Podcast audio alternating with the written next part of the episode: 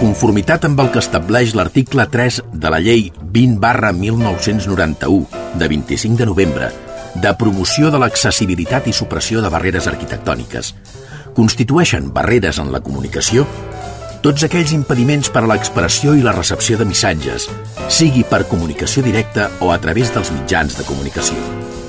És per això que, emparant-nos en aquesta llei, volem que cada ciutadà gaudeixi del seu propi espai per moure's, un espai sense censura. Un espai en què vosaltres sigueu els protagonistes. En definitiva, un espai per tothom. Benvinguts a Espai Vital.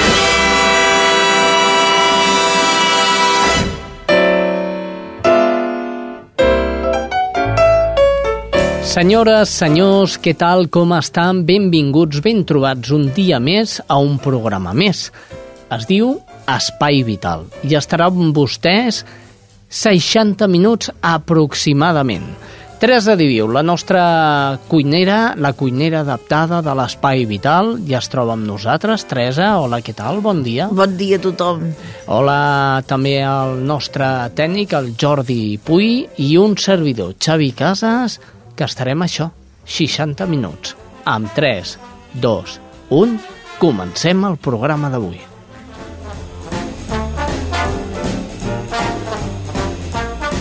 Això és Espai Vital.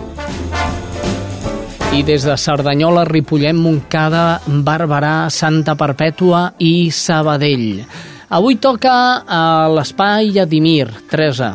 Pues, ja no me'n recordo qui ho president. Ah, Maria, no? Es diu... Maria, ai, Déu meu. No, ai, no. Últimament estàs eh, fora de És servei, eh, Els xata. noms no me'n recordo. No, sí, ja. no, veig jo que no, que no. Haurem de netejar el cervell aquest. Jo crec que estic, veig el netejar ja. I li ficarem l'Anna l'Anna Ballesta. Ah, veus? L'Anna Ah. Ballesta, la nostra amiga de Dimir, que avui, com sempre fa, ens porta l'espai a Dimir. Escolteu-lo perquè avui és especialment llarg. Escolteu-lo. Hola Xavi, bon dia, bona tarda, bona hora. Una vegada més, un mes eh, més, estem aquí amb el, en l'espai Adimir, dintre de l'espai vital, com sempre, i avui anem a presentar una notícia important que pensem que pot ser interessant per a altres eh, municipis, perquè és una col·laboració entre dues entitats de Montcada i Reixac. Eh, avui tenim amb nosaltres eh, un membre de l'equip directiu del Unión Deportiva Santa Maria, a José Antonio Vila. Hola, José Antonio. Buenas tardes. Tenim també entre nosaltres a Sergio Hermoso, que és el regidor de Participació Ciutadana. Sergio, Hola, buenas tardes. buenas tardes. I tenim, com sempre, ja sabeu que sempre m'acompanya un company d'Adimir, en aquest cas l'Andrés Jiménez. Andrés, hola. Hola, Ana, bona tarda. Hola. Bueno, anem a començar perquè ja sabeu que tenim poc temps, com sempre, el Xavi sempre m'està retallant, i comencem. Eh, fa poc temps eh, es va presentar una col·laboració entre entitat eh, Unió Deportiva Santa Maria, que és un club de futbol, i, i l'entitat Adimir, que és la nostra entitat eh, encaminada pues, a integrar a persones amb discapacitat del nostre municipi. José Antonio, mm, quina, quina va ser la motivació? Quina va ser l'origen de voler col·laborar amb la nostra entitat, amb Adimir? Sí, el- este año Unión Deportiva Santa María eh, ha hecho bastantes cambios en su línea de trabajo con respecto a años anteriores. Eh, estamos hablando de que, de que queremos que el club eh, se extralimite más allá de lo que es el aspecto un- únicamente deportivo. Y como entidad de Santa María de Moncada, pues está llegando a acuerdos de colaboración, tanto con la Asociación de Vecinos, que ya teníamos acuerdos puntuales, y nos pareció muy interesante, dada la ubicación de, de Adimir, eh, integrado dentro de lo que es el barrio de Santa María, y dado la dedicación a, la que están, nos pareció muy interesante aprovechar eh, toda la sinergia que nos puede, nos puede aportar los jugadores y, y llegar a este tipo de, de acuerdo de colaboración. Sí, sí. Quan vosaltres vau presentar aquesta col·laboració, eh, bueno, suposo que li vau comentar als jugadors, no? Que són entre... Ujú. Quina franja d'edat tenen aquests Sí, estamos, jugadors? estamos hablando de que los jugadores están entre los 18 años, el más joven, y 34 el mayor, eh, aunque más o menos la... Una bona franja d'edat, Sí. eh? Edat entre 4, que fa de porter? O... no, no, no, de jugador, ¿eh? De- sí, sí, está de jugador y es, y es, y es ¿Delantero? molt bo, ¿eh? ¿Delantero? No, no, central, central.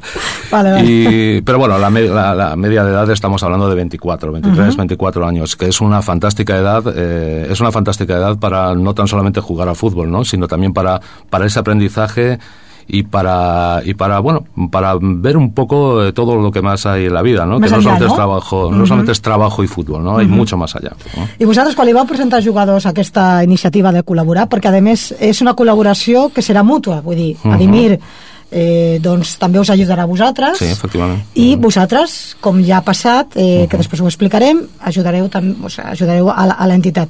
Quan li vau explicar, li vau posar damunt la taula jugadors que faríeu aquest tipus de col·laboració, coneixien Adimir, eh, van entendre de quina seria, eh, quina seria la col·laboració a fer, els hi va agradar, es va quedar sorpresos, no sabia de què, parla, de què parlàveu. No, algunos, eh, no todos conocían a la, no, la entidad de Emir, pero algunos sí, sí que lo conocían. Y es más, incluso de ellos, eh, de ellos había salido eh, ese ansia de, de colaborar en, en, en otros campos, ¿no? Se había hablado de otras entidades como Proyecto Hombre, se había hablado de, de algún otro tipo de colaboración.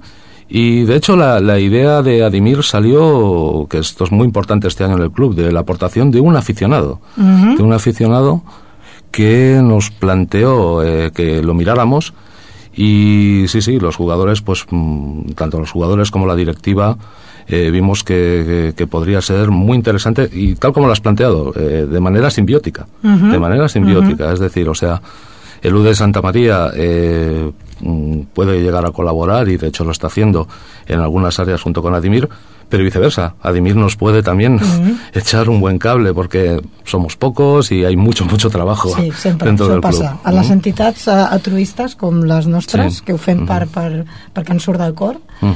eh, la veritat és que hi ha molta feina. Eh, sé que hi ha hagut alguna col·laboració, Mhm. precisament l'altre dia jo vaig estar present, hi havia un, hi va haver un taller de circ que estava Mhm. encaminat als nens d'Adimir, que van fer, hi havia nens amb discapacitat i sen- i sense, i van venir dos jugadors i, eh, i també vas estar tu i Mhm. la, la Susana, la, la, la teva dona, també com que és membre de l'equip directiu del, de Unió Deportiva Santa Maria i bueno, va haver es va fer aquesta col·laboració, vau venir de suport amb els nens, Mhm. us van comentar alguna cosa després els dos jugadors que hi havia? Sí, sí, sí, sí.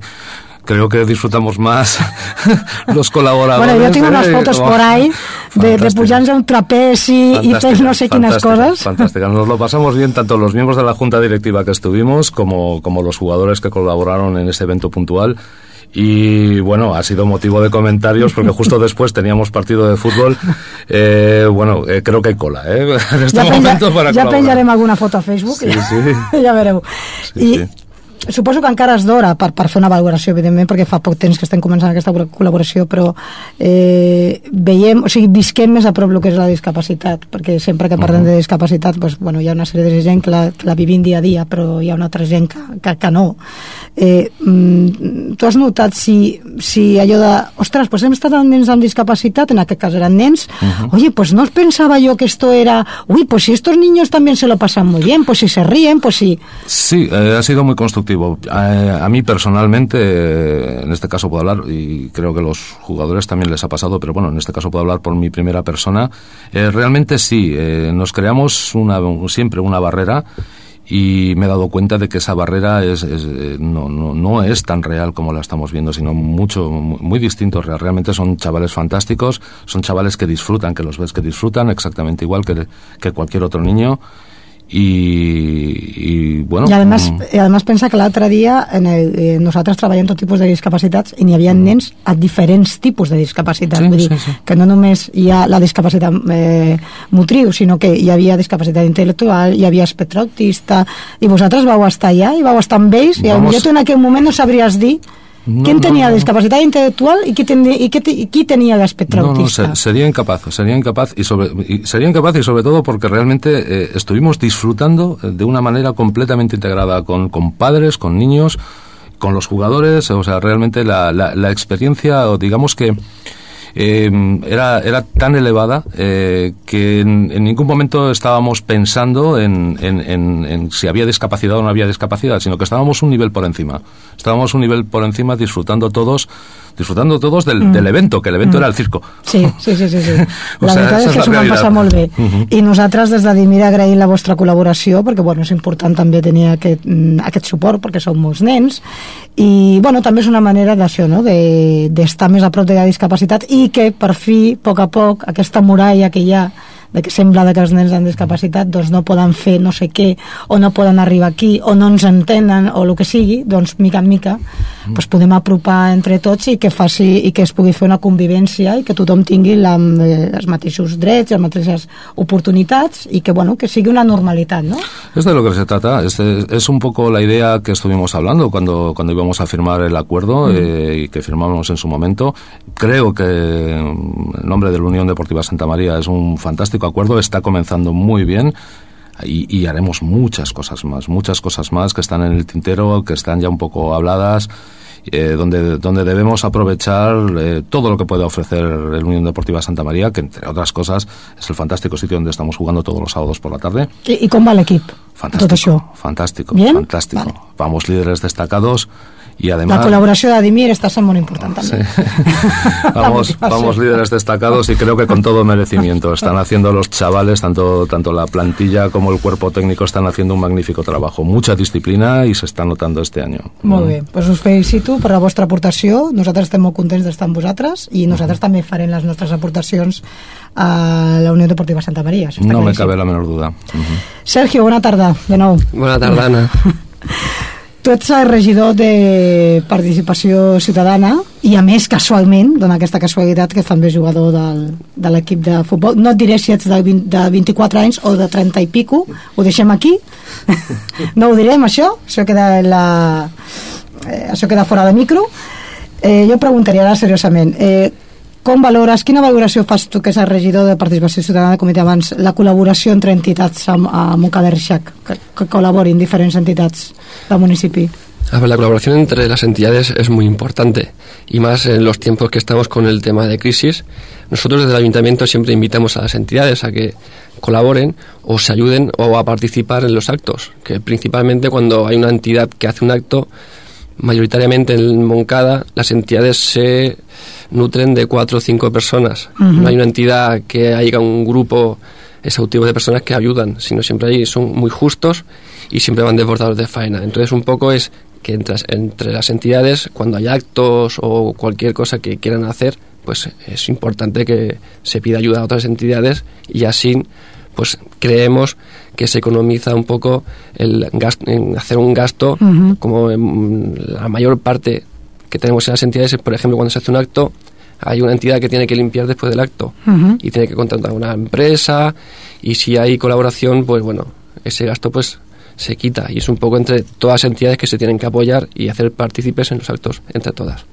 Bueno, això és un fet tan simple com l'altre dia, si nosaltres necessitem uns monitors de suport, si no hagués tingut la col·laboració del, del club de futbol, pues segurament haurien tingut que o contractar o a lo millor fins i tot, eh, no, no, no en aquesta ocasió, però millor no d'altra no pots arribar a fer una activitat perquè falta aquest personal i evidentment en les, eh, la poca mm, bueno, poco capital que tenen les entitats pues a vegades eh, ho has de deixar de fer perquè veus que no pots pagar això o l'altre. En aquest cas es va poder fer per la col·laboració de, de club de futbol, això és important. Sí, moltes vegades, sobretot, eh, majoritàriament hi ha entitats que les, els actes que es fan allò, fan el 50% o el 60% perquè no poden més, Mhm, no poden mhm. abarcar més i fan pues, el que poden Mhm. i una mica pues, és el que nosaltres fomentem és de que fe- fem participació és fer un, la, la unió d'entitats i fer pues, tot, el que, tot el que pugui la gent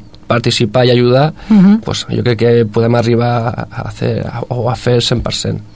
Com, eh, ara m'estaves dient que, que vosaltres ho fomenteu. De quina manera fomenteu aquesta... Pues que les entitats... No és fàcil, eh, la feina de fomentar, eh, perquè no és complicat, eh, perquè és el que t'has dit abans. Són quatre cada entitat que tenen que treballar la seva família, l'associació, etc etc i a vegades fomentar que, a més, tinguis que col·laborar amb una altra enti- entitat no és fàcil.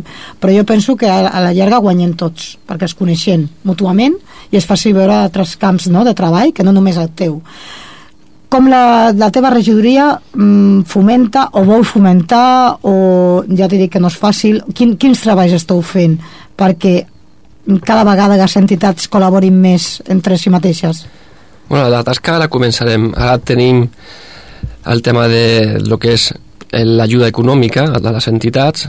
Cada entitat ha, ha fet o ha presentat la seva proposta perquè li, se li doni una subvenció Mm -hmm. I és el punt de sortida per parlar amb les entitats quan vinguin i entre tots tenim que sortir d'aquesta crisi. Mm -hmm. La qüestió és de que aquest any hi ha més entitats, perquè s'han apuntat més entitats i tenim el mateix pressupost.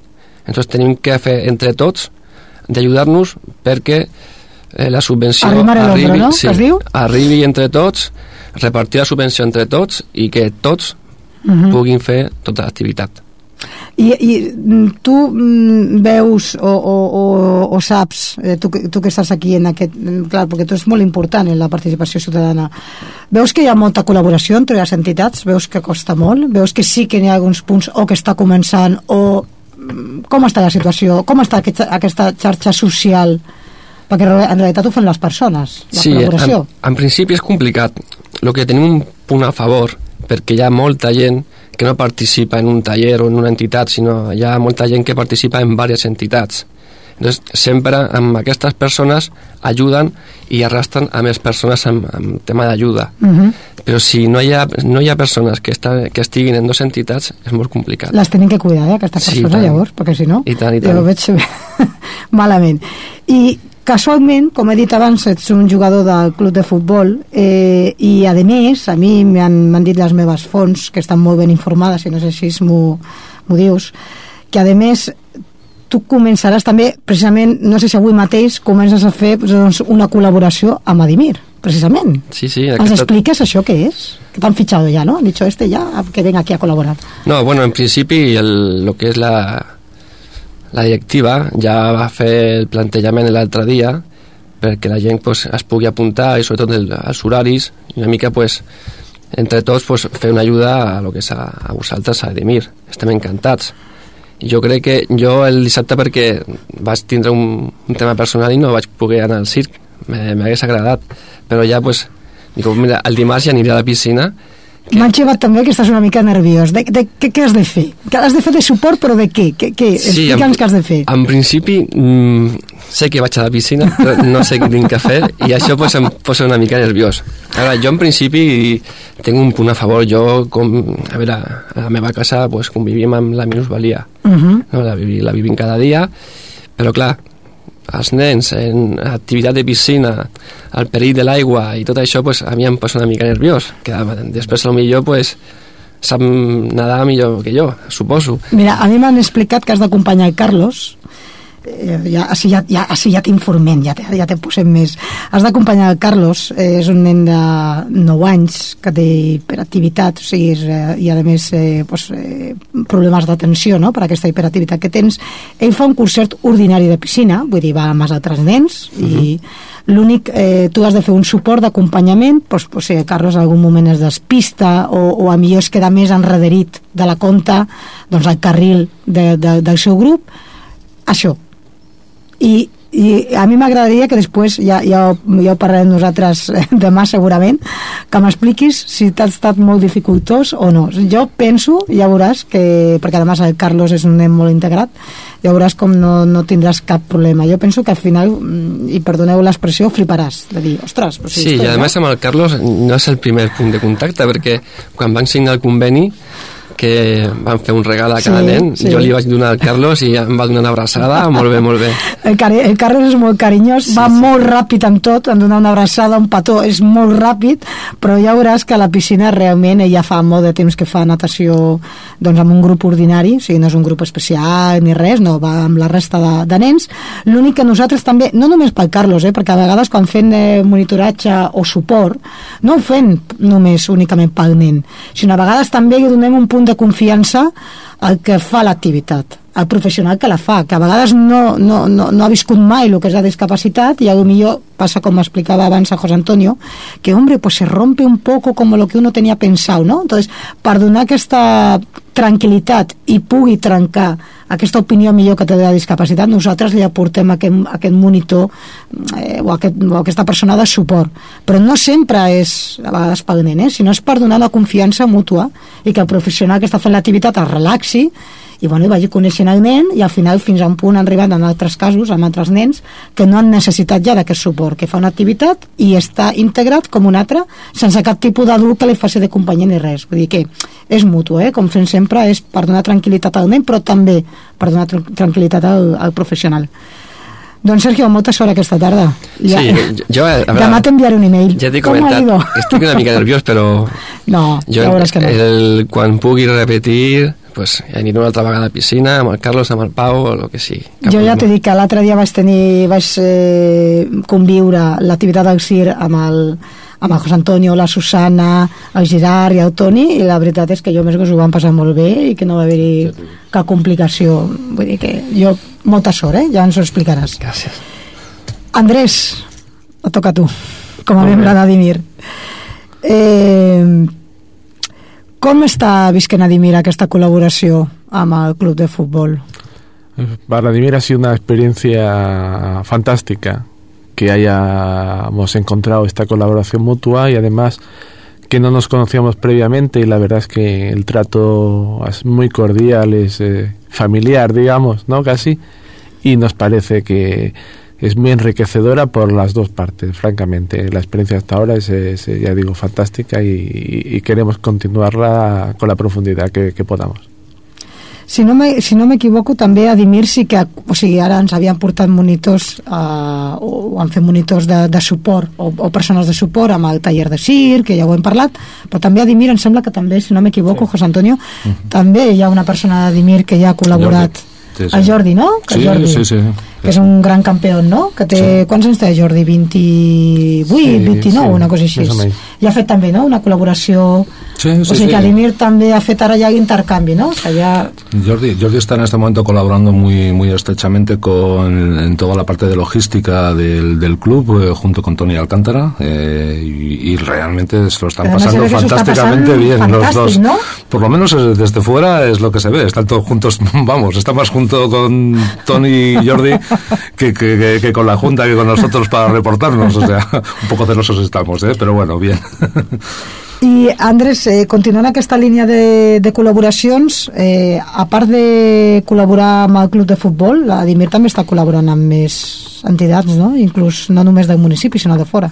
Sí, la, la vida de, de trabajar en una asociación con discapacitados nos lleva a colaborar con entidades tanto de municipio como fuera, aunque eh, nosotros buscamos básicamente, en primer lugar, la participación con entidades de Moncada, porque el objetivo que tenemos es, eh, amplificar la vida de las personas con discapacidad y abrirles ámbitos de participación. Por eso que haber encontrado que la Unión Esportiva Moncada pueda, pueda abrirnos un, un territorio nuevo de, de, convivencia a nivel social y lúdica, como es el, el una entidad deportiva, eh, donde a lo mejor un, a priori se puede pensar en que es difícil de encajar ¿eh? niños con discapacidad o personas más mayores como Jordi con, con discapacidad, pero que la experiencia y, no estamos completamente seguros de que eh, es, es, un éxito y, que ellos pueden participar y,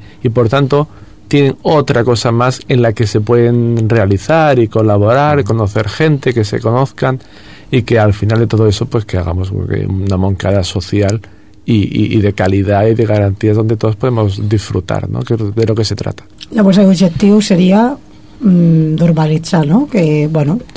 Sí, nuestras, nuestras, ya sabéis que nuestras eh, actividades siempre, hombre, hay unas actividades muy terapéuticas que siempre buscamos que sean terapéuticas porque se trata también de, de, de ayudar a las personas en ese campo, pero hay una componente de Adimir muy importante que es la social y es abrir Moncada, eh, que se conozca a las personas con discapacidad, que se crea en ellas, porque si no se conoce es difícil de creer. Y por eso cuando tú hablabas y preguntabas de y esperemos que Sergio esta tarde pueda, pueda corroborarlo, ¿no? que el trabajo, hombre, da, da un poco de trabajo, pero, pero la verdad es que te recompensa extraordinariamente. Y, y no solo porque estás ayudando a alguien con discapacidad o como cuando ayudas a alguien con riesgo de exclusión social, un- un- un- es un agradecimiento que tú tienes eh, hacia esa persona, pero también es eh, un desarrollo personal tuyo. Pero va más allá de todo eso, sino vas- va, va a encajar en que en tiempos de, de necesidad nos ayudemos y que todos podamos, podamos hacer un tejido social dentro de Moncada y aportarnos mutuamente nuestras experiencias y nuestras capacidades. ¿no?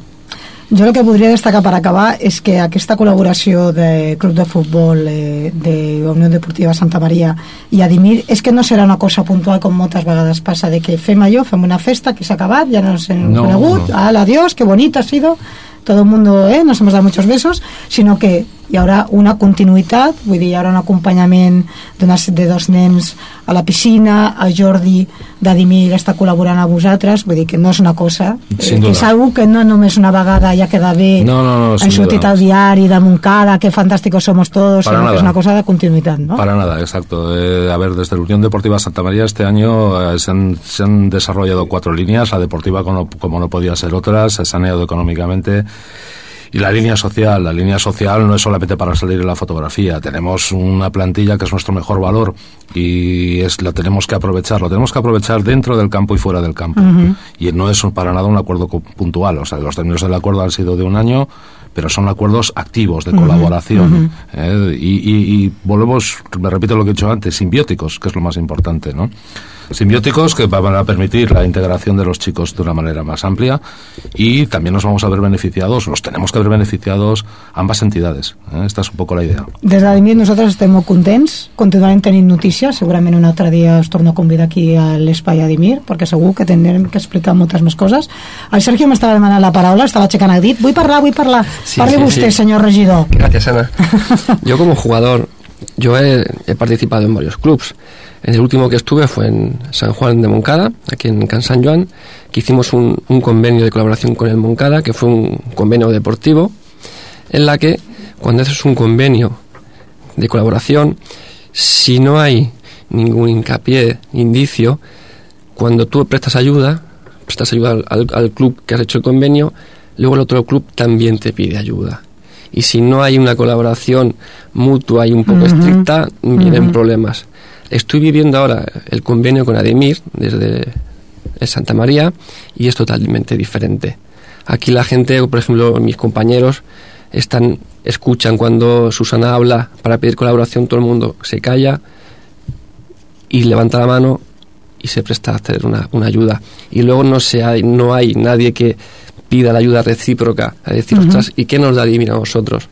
Esto es un, una- un poco la diferencia que hay entre convenios iguales deportivos, hacer un convenio deportivo. Bueno, aquest és un d'àmbit conveni social. entre persones, no? Que va Sí. més enllà de l'esport i va més enllà d'un puro conveni, no? Sinó Sí, que, és que no. una que és, un, és mutu entre persones, no? O entre famílies, en aquest cas estan els nens, no? Que els nens sempre són el més important perquè són els ciutadans de demà, no?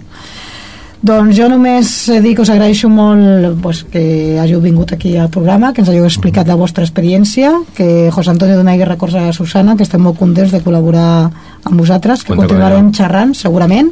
Sergio, gràcies per fer un, un foradet en la teva, la teva agenda de venir amb nosaltres. Andrés, com sempre, darte las gracias por acompañarme, como siempre, dándome ahí respaldo y dándome Gracias con, casi con el codo diciendo cállate ya. I jo només eh, donar-vos la nostra, la nostra web, que és una http dos barres adimir.moncada.cat i que si ens voleu donar eh, doncs un, fer arribar un comentari, eh, una suggerència, preguntar qualsevol cosa, teniu el nostre correu a la vostra disposició, que és adimir arroba hotmail.com i ens veiem el mes que ve amb més notícies i amb més convidats. Moltíssimes gràcies, Xavi. Adeu. Estàs escoltant Espai Vital. Doncs molt bé, després de l'espai Adimir, gràcies a Ana Ballesta, com sempre, eh, correctíssima a la seva forma i manera de fer a l'espai Adimir. Associació de Discapacitats de Montcada i Reixac, sempre col·laborant amb Espai Vital. Molt bé, arriba un punt en què la Teresa i jo ens anem a fer una volteta Anem, va, agafa't aquí la cadira que t'hi porto. Vinga, per aquí pel Vallès Occidental, perquè fem la roda informativa. I la primera de, de les emissores d'on ens envien cròniques és Cerdanyola del Vallès. I com sempre, Cerdanyola del Vallès hi trobem a la Mònica González. Hola, bon dia. Molt bon dia, Xavi, des de Cerdanyola Ràdio.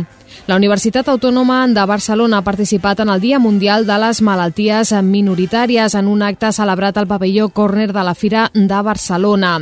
L'esdeveniment estava organitzat per la Federació Catalana de Malalties Poc Freqüents, la FEDER, Delegació Catalunya i la Fundació Doctor Robert, una fundació que és un centre de formació continuada i de postgrau en Ciències de la Salut promogut per la Universitat Autònoma de Barcelona. Una malaltia minoritària és una patologia poc freqüent i que afecta un nombre reduït de persones. Generalment impliquen diversos òrgans i afecten les capacitats físiques, les habilitats mentals i les qualitats sensorials i de comportament dels malalts. L'afecció pot ser visible des del naixement o la infantesa, però n'hi ha que no apareixen fins a l'edat adulta. Són malalties greus o molt greus, cròniques i generalment degeneratives. S'estima que hi ha entre 7.000 i 8.000 malalties diferents. Al voltant del 80% són d'origen genètic i es manifesten principalment en la població pediàtrica. Afecten a 5 de cada 10.000 persones. A Catalunya hi ha 400.000 persones afectades. L'existència de tantes malalties en pocs pacients per a cadascuna les fan poc conegudes també per als professionals de la medicina. I això és tot des de Cerdanyola Ràdio. Salutacions per Espai Vital. Gràcies, Mònica González. Salutacions també per tu. Anem cap a Ripollet. Allà es troba la Laia Prats. Hola, Xavi. Avui des de Ripollet t'expliquem que el Departament de Serveis Socials ha preparat un bon nombre de tallers, xerrades, sortides i sessions de cinema dirigides a gent gran del municipi per aquest primer semestre de 2011 dins del programa de la gent activa. La iniciativa compta amb la col·laboració d'altres àrees municipals i entitats del municipi. El període d'inscripcions s'allargarà fins al 8 de març i les persones interessades poden adreçar-se directament al Departament de Serveis Socials al carrer de la Salut número 1. El programa de gent activa es dirigeix a persones majors de 65 anys o més joves que són pensionistes i que tenen ganes de fer i descobrir coses, gaudir del seu lleure, així com conèixer i també aprendre. Des de l'any 2007, el Departament de Serveis Socials planifica, organitza i coordina aquest innovador projecte, que és una de les prioritats de la regidoria i que actualment està totalment consolidat tant a nivell tècnic com pressupostari. I això és tot, fins la setmana vinent. Gràcies, Laia Plats. Anem cap a Montcada Ràdio. Allà es troba Sílvia Díaz. Hola, salutacions des de Montcada, l'Espai Vital. L'Ajuntament ha donat un primer pas per promoure l'educació inclusiva dels discapacitats. El ple de l'Ajuntament, corresponent al mes de febrer, que es va celebrar el dia 24, va aprovar per unanimitat una moció a petició de l'Associació de Discapacitats de Montcada i Reixac, Cadimir, per tal que s'implementin polítiques de suport a aquest col·lectiu com el Pla d'Acció en l'Educació Inclusiva, un dels objectius del qual és que el 2015 el 70% de l'alumnat amb necessitats educatives especials estigui escolaritzat en centres ordinaris. Els cinc grups municipals al consistori van lluar la tasca de l'entitat i van animar els seus components a continuar treballant. Les forces polítiques també van adquirir el compromís de fer tot el possible perquè el document no es quedés en paper mullat. S'ha fet un pas endavant cap a l'educació inclusiva perquè les persones amb alguna discapacitat física o mental puguin rebre un tracte més just i tinguin les mateixes oportunitats, va dir l'alcaldessa Maria Elena Pérez a la sessió plenària. En el torn de pregs i preguntes, la responsable de comunicació de Dimir, Ana Ballesta, va assegurar que l'entitat treballarà perquè la moció no es quedi en un calaix i va recordar que és molt trist que els infants amb necessitats necessitats educatives especials hagin de marxar fora del municipi per estudiar o bé que en una persona adulta discapacitada no pugui accedir, diu Ballesta, a un treball digne. Doncs bé, això és tot. Fins la setmana vinent. Fins la setmana vinent, eh, Sílvia, anem ara mateix cap a Santa Perpètua de la Moguda. Allà es troba Estrella Núñez. Hola, salutacions des de Ràdio Santa Perpètua. Des del mes de desembre de 2009, a Santa Perpètua hi ha un edifici de pisos de lloguer de protecció oficial per a la gent gran. En una part dels baixos d'aquest immoble s'ha instal·lat el centre de recuperació, però l'altra part, 171 metres quadrats, ha estat adquirida per l'Ajuntament de Santa Perpètua per oferir diversos serveis als residents d'aquest edifici. Ara l'empresa Bolafio Construccions comença les obres de distribució d'aquest local, situat a l'Avinguda de Jacint Verdaguer 38. El local disposarà d'un distribuïdor, dues sales polivalents, una oficina, una sala de reunions, un safreig i lavabos. L'accés al local serà des de la plaça de Can Folguera. L'adjudicació d'aquestes obres ha estat per un import d'uns 202.000 euros i tindran una durada de 3 mesos i mig. L'actuació ha rebut una subvenció del Pla Únic d'Obres i Serveis de Catalunya i s'emmarca dins del programa de millora de la llei de barris. La regidora d'Urbanisme i Planificació de l'Ajuntament de Santa Barpètua, Maria Ángeles Sánchez, ha explicat que les sales polivalents seran de 45 i 30 metres quadrats i que es podran fer servir individualment o com un únic espai. Sánchez ha avançat també que el local es destinarà a activitats per a la gent gran que viu en l'edifici i que s'ha reservat també un despatx per a un assistent social que hi anirà per hores. Això és tot. Fins la setmana vinent. Gràcies, Estrella Núñez. Des de Santa Perpètua ens n'anem cap a Sabadell. Allà es troba Karen Madrid. Salutacions des de Sabadell. No heu pensat mai quina és la millor manera d'inculcar als més petits la importància de rentar-se les mans, dutxar-se cada dia o pentinar-se? Doncs els centres educatius de Sabadell ja disposen d'una guia amb les claus perquè els professors puguin introduir amb èxit aquests bons hàbits d'higiene personal entre els alumnes.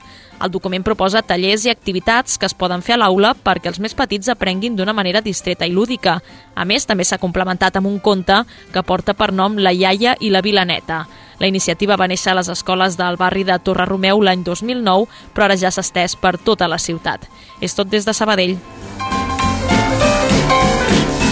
Això és Espai Vital. I ara toca conèixer el 19è capítol de Desaparecida, una vida rota por la sensibilidad química múltiple. A continuación les ofrecemos Desaparecida, un libro sobre la sensibilidad química múltiple. Desaparecida un libro de Eva Caballé escrito en primera persona y llevado a la radio de la voz de Luisa Blanca con la producción de Spy Vital.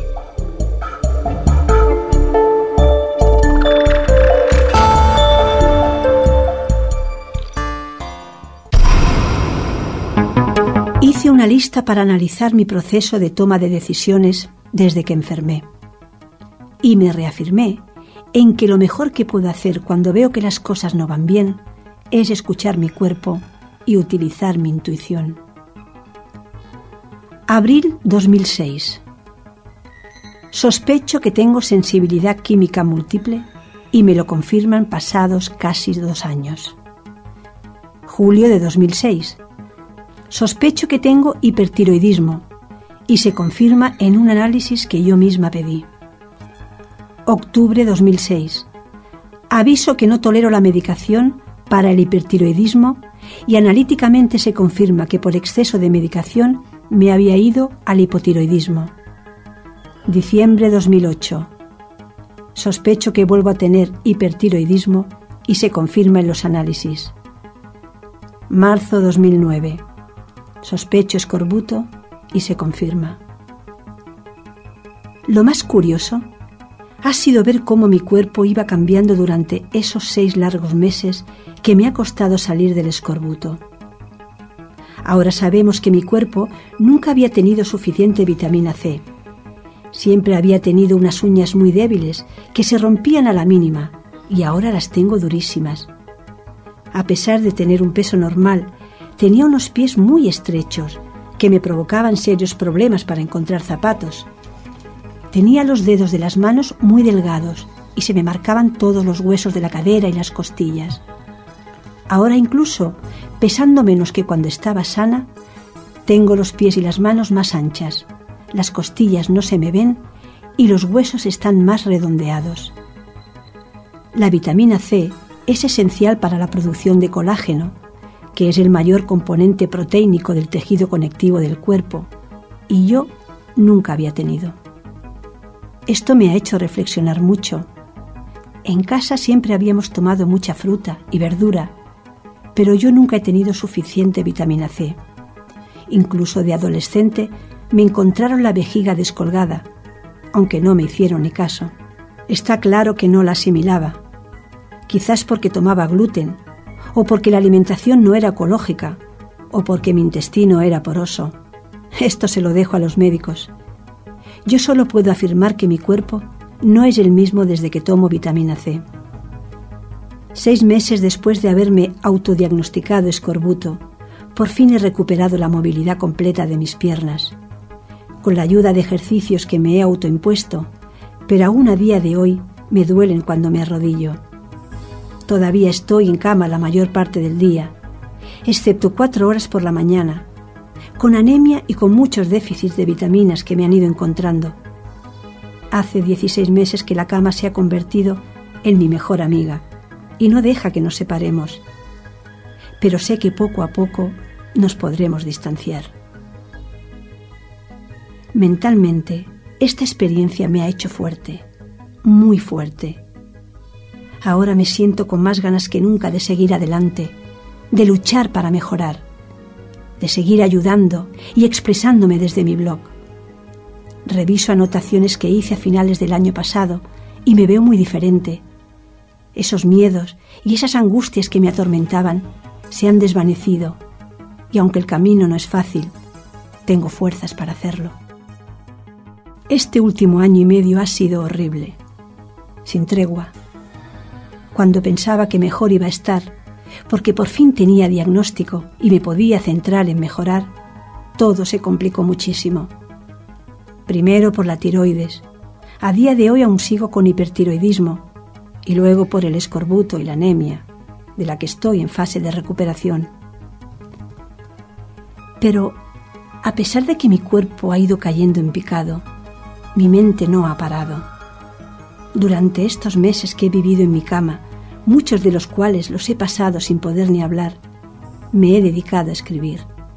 Necesitaba comunicarme con el mundo, poner en orden mis sentimientos, denunciar la situación de abandono que vivimos nuestro colectivo e intentar ayudar a otras personas que estuvieran en una situación similar. Por eso, a pesar de mi gravedad y de estar postrada en cama, me he embarcado en tantos y tan gratificantes proyectos. Soy consciente de que cuando escribo en el blog no parece que esté tan enferma, en parte por orgullo y en parte porque no soporto a la gente que va buscando la compasión de los demás. Por eso, cuando alguien me escribe en el blog y me pide hablar por teléfono, chatear o conocernos en persona, al decirles que no y explicarles mi situación, se quedan muy sorprendidos. Tengo una hermana, que es además una gran amiga para mí, y siempre hemos estado muy unidas. Y hace casi dos años que no la veo. Primero intentamos comunicarnos por teléfono, pero a los dos minutos me quedaba sin voz, me costaba respirar y mi cuerpo literalmente se rompía. Luego probamos a chatear pero seguir una conversación, aunque fuera por escrito, también me hacía entrar en crisis. Finalmente nos hemos tenido que resignar a comunicarnos a través de correos electrónicos. Es lo único que le puedo ofrecer por ahora, y ella lo entiende y respeta totalmente, aunque estoy segura de que en el futuro todo mejorará. Vivir encerrada no es fácil. Muchas veces pienso que no sé cómo no me he vuelto loca. En los ocho meses que llevamos de año, solo he cruzado la puerta de casa y he salido a la calle una vez. Fue para ir al tribunal médico y yo iba en silla de ruedas. En lo que llevamos de año solo he visto a tres personas, a David, a mi madre y a mi enfermero, que cada cuatro semanas viene a extraerme sangre para el análisis, tomando el máximo de precauciones posibles para no provocarme una crisis. Una amiga me decía, dime lo que tengo que hacer y qué puedo ponerme para venir un día a verte. Este es el problema, que por mucho que hagas un día, tú sigues desprendiendo olor de los productos que usas a diario, y esos restos para mí pueden ser fatales. Para que mi madre pueda venir a nuestra casa, ha tenido que cambiar totalmente sus hábitos lava la ropa con ecobolas, utiliza los mismos productos de higiene que yo y no usa nunca tintes, maquillaje o colonia. Además, los dos días de la semana que viene se ducha antes de venir y yo le tengo ropa limpia para que se cambie al llegar. Y durante los diez minutos que hay entre nuestras casas no entra en ningún sitio. Y si al llegar al ascensor este huele a colonia, sube por las escaleras. Nos ha costado encontrar el protocolo ideal para que ella pueda venir a nuestra casa sin hacerme empeorar. Pocas personas están dispuestas a hacer tales cambios en su vida para poder seguir siendo parte de la tuya.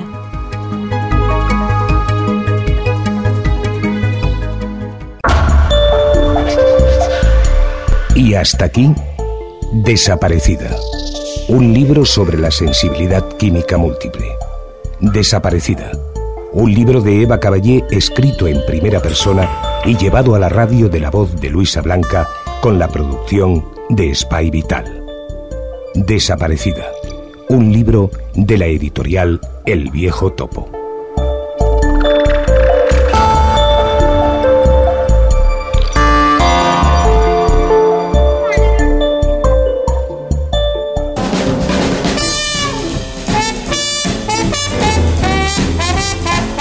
Estàs escoltant Espai Vital. Què us sembla si fem una volteta per la cuina de la Teresa? Sí, que jo ho he vist, que té una cuina aquí amagada i té els catxarros preparats. Teresa, vine Oh. cap aquí. Vine. Va, què Sí. vols? Ara se m'agafarà la... Ah, què dius ara? Què tenim avui? Macarrons de carnaval. Ah, bé. La setmana que ve és carnaval, doncs farem uns macarrons. Val. Com que això ja us duem el dimecres, que Sí. preparin ja per carnaval uns macarrons. Doncs molt bé, ràpidament, ingredients dels macarrons del carnaval. Macarrons de carnaval són aquells macarrons de colors. Ah, Pues un paquetet de macarrons, sí. una ceba, Mm, un parell de tomàquets, sí. 5 grams de, de paté o de full gras, el que vulgueu. Ah. Que n'hi ha al mercat, n'hi ha de granel, perquè jo una llauna no la puc obrir. Però ja us dic d'aquell que hi ha A granel. a granel. Molt bé. Una cullerada de farina i mig litre de llet. I oli, Oli i sal. sal. Eh, veus com jo? Molt bé, els macarrons de colors eh, els venen a qualsevol lloc que venguin pasta. Sí. I eh, són saludables. Els colors són perquè són de verdures. Sí, perquè els que són grocs són... Ai, vull dir, aquells vermellets són de pastaraga. Ah, Els verds són de verdura. molt bé. Pues No, no. ja I està. d'ou, n'hi ha d'ou. Mm, doncs preparació d'aquests macarrons de carnaval. Què fem, Teresa? Els bullim. Sí, Després pues, posem una paella al foc sí. i fem un sofregit de ceba i tomàquet. Com hagin sofregit la ceba i el tomàquet, li posem una miqueta de sal, allà hi posem el paté i l'aixafem allà, que, que es desfaci. Després agafem la llet i posem la cullerada de farina i posem mig litre de llet i per la farina que es desfaci. Molt bé. Com tinguem la paella allò, aquell d'allò, allà el tirem a poc a poc. Tirem allà, remenem, Sí. que quedi espesset. Després, si veiem que queda massa espès, hi tirem més llet. I tenim com una bechamel. Escorrem els macarrons. Com hàgim escorregut, els posem a la paella durant allò voltes, que tot se'n... Se, Es barregi, es no? barregi tot. Ah, clar. Posem en una plata Sí. Veus, m'havia deixat 50 grams de formatge ratllat, també. I els posem en formatge ratllat per sobre i els posem a gratinar al forn. I ja tenim un dinar, pues, un bon plat. Espero que us agradi. I senyors, bon profit i bon carnaval. Teresa Diviu, marxem? Fins la setmana que ve, si tu vol. Pues ho farem amb amics de les arts, Jean-Luc, Jordi Puy al control tècnic i un servidor al micròfon. En nom de tot l'equip, senyors, gràcies per la seva atenció i fins la setmana vinent, que aquí estarem, eh? Ens vam retrobar una nit d'estiu en un cicle especial de cinema francès a la fresca. El meu plan era tornar aviat, però al final tot es va anar allargant i els dos vam decidir sortir de gresca. Se'ns va fer tard, va dir, no agafis pas el cotxe, si vols et pots quedar, que al pis hi tinc un quarto express per convidats. I et deixo aquí sobre un pobre llit perquè ara no, però després fot rasca. Tens gana, vols aigua, tu mateix pots fer, pots fer com si fossis a casa. La manera com va dir bona nit i va picar l'ullet era fàcilment malinterpretable. Vaig augurar una nit per la posteritat, fer un cim, fer un 8.000, fer quelcom difícilment igualable. Però ja no passava res. Només aquell silenci trencat pel meu somier. Potser no era el seu tipus, millor que no fer res. I amb una paret al fons imprès en blanc i negre hi havia un pòster d'en Godard potser ell podria dir-me per què em ballava el cap Ai, Jean-Luc, ai, Jean-Luc, entendre-ho però no puc. Ai, Jean-Luc, ai, Jean-Luc. Ai, Jean-Luc, ai, Jean-Luc, vull no puc. Ai, Jean-Luc, ai, Jean-Luc. Dir que en casos com aquest no es tracta de ser més guapo o de ser més lleig, sinó d'estar convençut de fer-ho. Jo vaig dir-li ja, però si ara hi vaig, ella no ho vol, després què? Després tot això acaba siguent un rotllo patatero. Em va convidar a fumar i en un plano seqüència una frase magistral una dona és una dona no et preocupis tant se val L'endemà vam esmorzar. Ni tan sols vaig mirar-la i a l'hora de marxar ella em va fer un petó que encara no s'interpreta. Ai, Jean-Luc, ai, Jean-Luc vull entendre-ho però no puc. Ai, Jean-Luc, ai, Jean-Luc.